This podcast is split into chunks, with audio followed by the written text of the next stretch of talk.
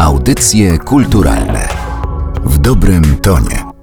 Rozpoczynamy audycje kulturalne przy mikrofonie Aleksandra Galant i dziś wybierzemy się wspólnie w podróż do dalekiego Egiptu, bo choć wszyscy z Egiptem mamy bardzo wiele skojarzeń, jest to kraj bardzo wyrazisty, zarówno geograficznie, jak i turystycznie, a przede wszystkim historycznie. Jednak muszę powiedzieć, że dopóki nie trafiłam na temat, o którym będziemy dzisiaj rozmawiać, ja nie zdawałam sobie sprawy, jak bardzo Egipt jest i był popularny, jeżeli chodzi o kwestię wystawiania na deskach teatrów i scen operowych w Polsce chyba możemy mówić o swoistej egiptomanii i właśnie to jest tytuł wystawy, o której chciałabym dzisiaj porozmawiać. Nie tylko Aida. Egiptomania na polskiej scenie. To jest wystawa, którą do 4 grudnia możecie oglądać w Muzeum Teatralnym w Teatrze Wielkim Operze Narodowej. A o tym, co możemy tam zobaczyć, porozmawiam z Katarzyną Wodarską-Ogidel, kustoszem i kuratorką wystawy, która przyjęła zaproszenie i gości dzisiaj w studiu Narodowego Centrum Kultury. Dzień dobry. Zanim zapytam o całą wystawę, chciałabym panią podpytać, co takiego ten Egipt ma, że tak fascynuje i że jest to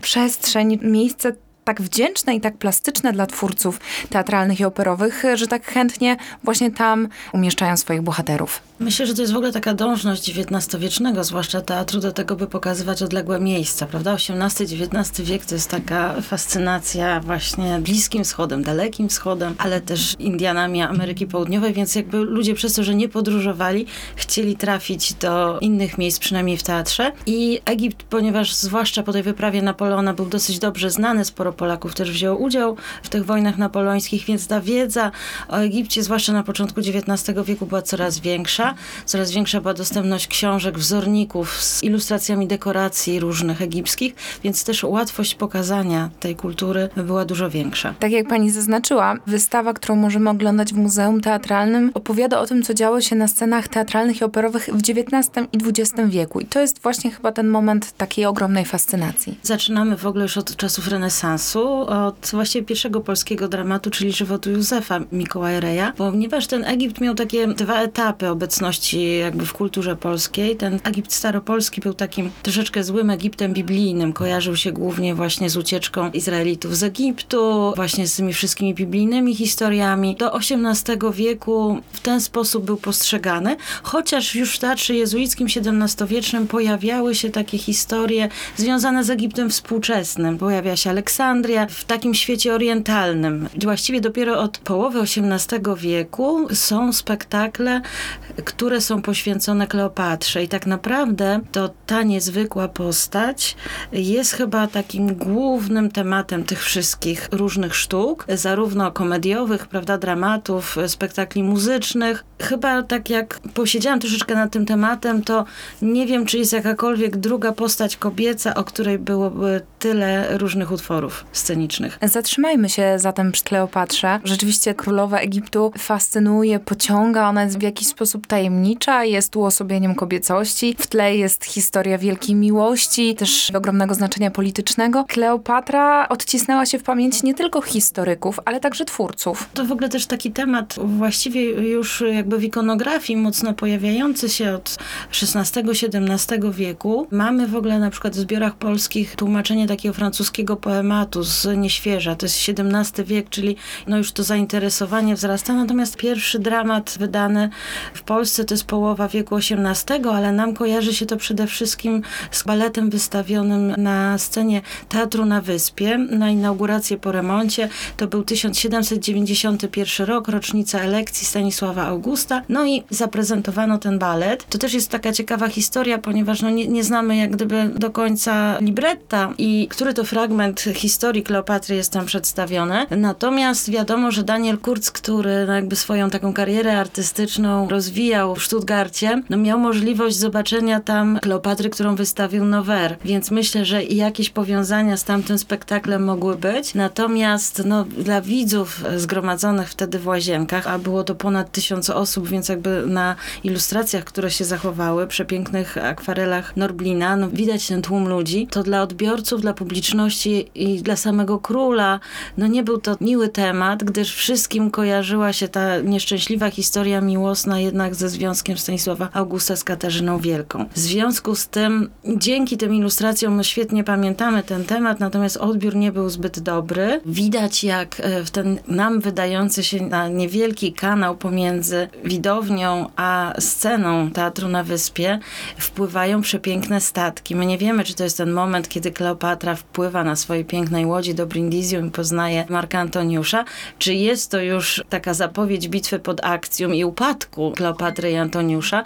Natomiast wygląda to niesamowicie, bo jest jeszcze tylko jedna taka rycina już e, z połowy wieku XIX, kiedy wystawiono tam Wesele w Ojcowie, gdzie też taki statek wpływa właśnie tam e, w teatrze, więc to naprawdę ta dekoracja musiała robić wrażenie. Jeżeli rozmawiamy o Kleopatrze, to myślę, że warto podkreślić, że inspiracji można było szukać na przestrzeni czasów, na przestrzeni wieków, przynajmniej w kilku bardzo ważnych dziełach. My tutaj mówimy o Antoniuszu i Kleopatrze, Kleopatrze i Cezarze Norwida, no i później, bo to też przecież wpłynęło na twórców opery i teatru, o faraonie Bolesława Prusa. To już jest taki zupełnie inny wątek, który pojawia się tak naprawdę na scenie dopiero w latach 50. i to późnych, bo w czasie Odwilży Gomułkowskiej Irena Górska-Damięcka przygotowała w Teatrze Węgierki w Białymstoku spektakl właśnie taki poświęcony mechanizmom władzy. To był taki akurat moment, kiedy można było.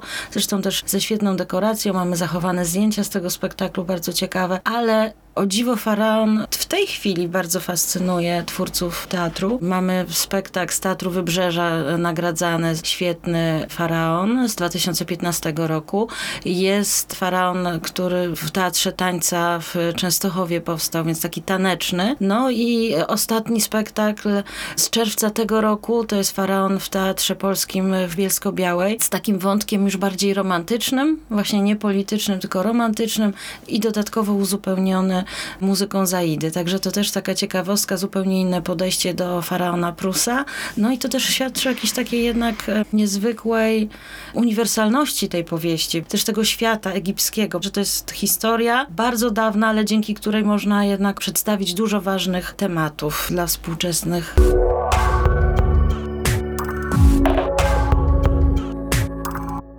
Zanim odniosę się do Aidy, którą pani przywołała, to jeszcze chciałabym tylko zwrócić uwagę na to, że do tej pory mówimy o scenach teatralnych i, i operowych, o baletach, natomiast powstawały także słuchowiska. Tutaj Antoniusz i Kleopatra, słuchowisko Polskiego Radia z 2016 roku, w którym chyba warto podkreślić rolę i udział Danuty Stenki. Bardzo lubię i polecam, bo można ten spektakl na YouTubie posłuchać.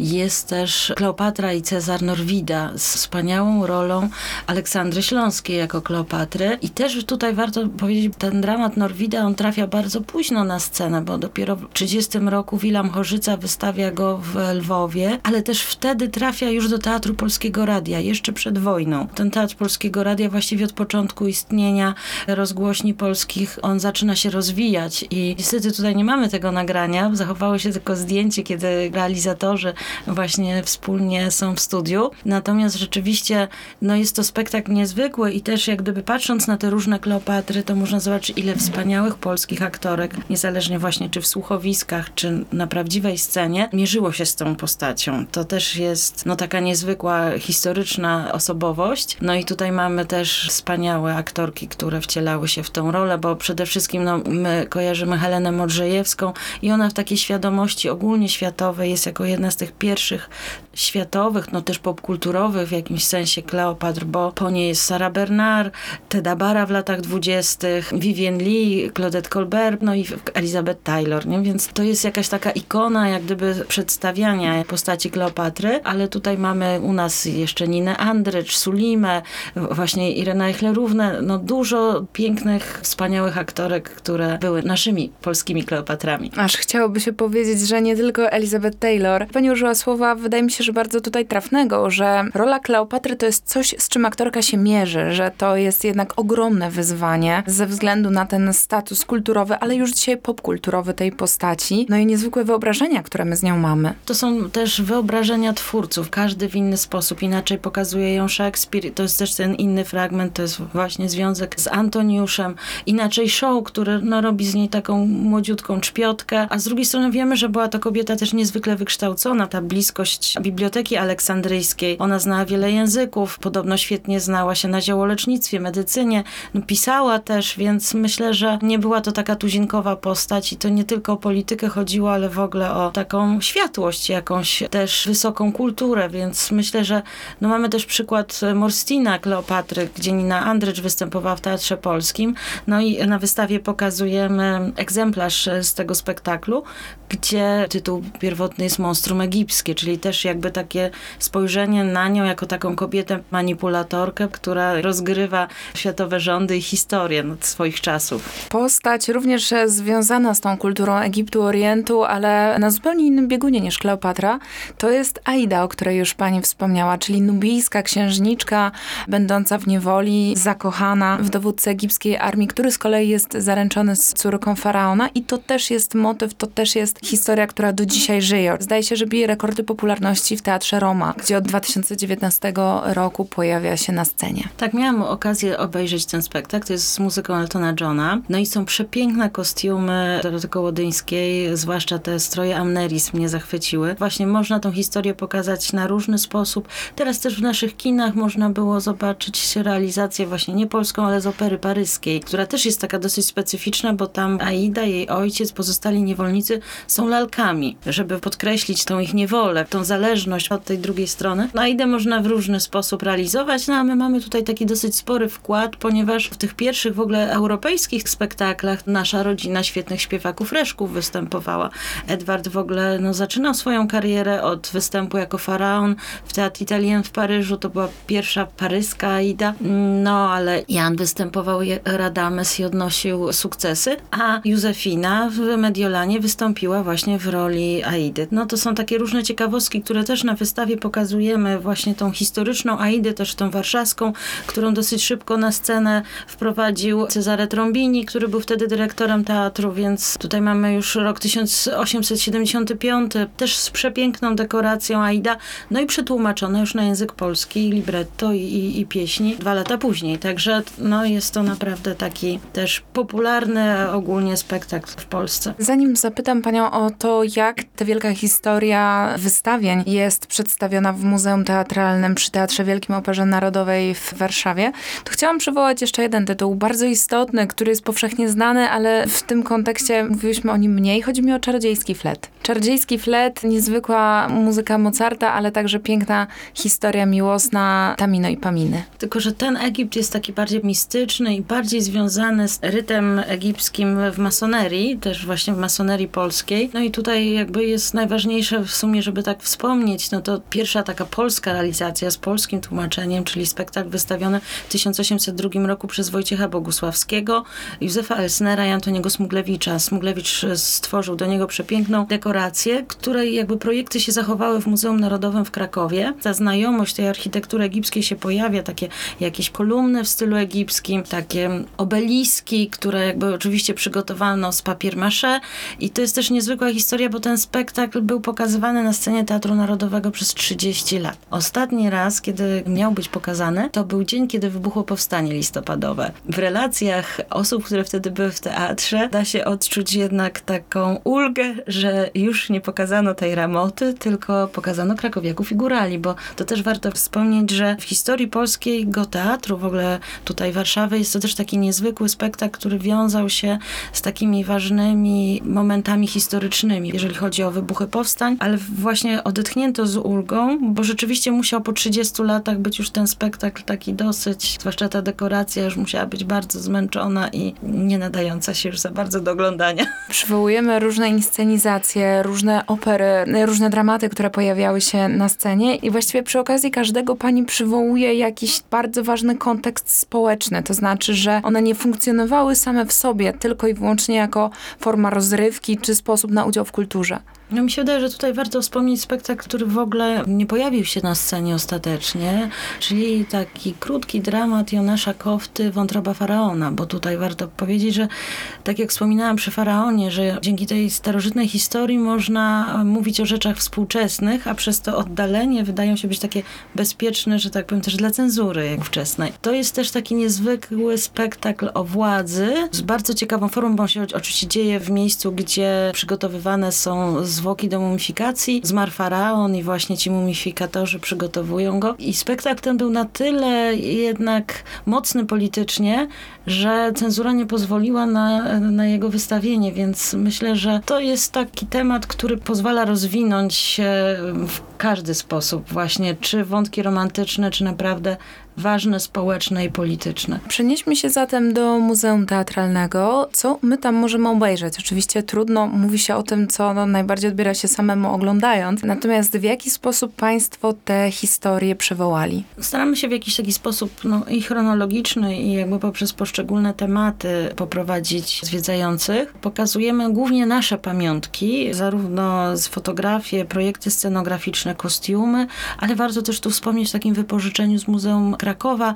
Pokazujemy wspaniałe, stare kostiumy Stanisława Drabika, które na początku XX wieku zostały wykonane w takiej słynnej mediolańskiej pracowni kostiumów teatralnych. Tam wraz z nimi też jest kostium e, znowuż projektowany przez Wincentego Drabika do Aidy Warszawskiej z lat dwudziestych. Taki jeden z niewielu kostiumów naszego teatru, który się z okresu międzywojnia zachował. To jest taką też perełką niezwykłą, właśnie też z Krakowa, zawieszka z kostiumu e, Heleny Modrzejewskiej. Troszeczkę elementów z tych jej wystawień Kleopatry, bo ona też później jakby powróciła po wielu latach do tego tematu w Stanach Zjednoczonych, właśnie zachowało się tam. I są w Bowers Muzeum w Santa Ana, niedaleko Ardenu, gdzie ona mieszkała. No natomiast, no prawda, my nie mieliśmy możliwości sprowadzenia tych rzeczy, biżuterii czy sandałów na przykład od kostiumu Kleopatry, ale właśnie jest też ta maleńka zawieszka, bardzo ciekawa, którą można zobaczyć. Są też ciekawe pamiątki po reszkach. No i dużo, dużo scenografii bardzo ciekawej, która pokazuje to podejście do tego starożytnego Egiptu plastyczne. A żeby na własne oczy poznać to plastyczne podejście do starożytnego Egiptu, zachęcamy do odwiedzenia wystawy nie tylko Aida, Egiptomania na polskiej scenie, którą do 4 grudnia możecie oglądać w Muzeum Teatralnym w Teatrze Wielkim Operze Narodowej, a o wystawie opowiadała kustosz Muzeum Teatralnego Katarzyna Wodarska-Ogidel. Bardzo dziękuję za rozmowę. Dziękuję. Audycje kulturalne w dobrym tonie.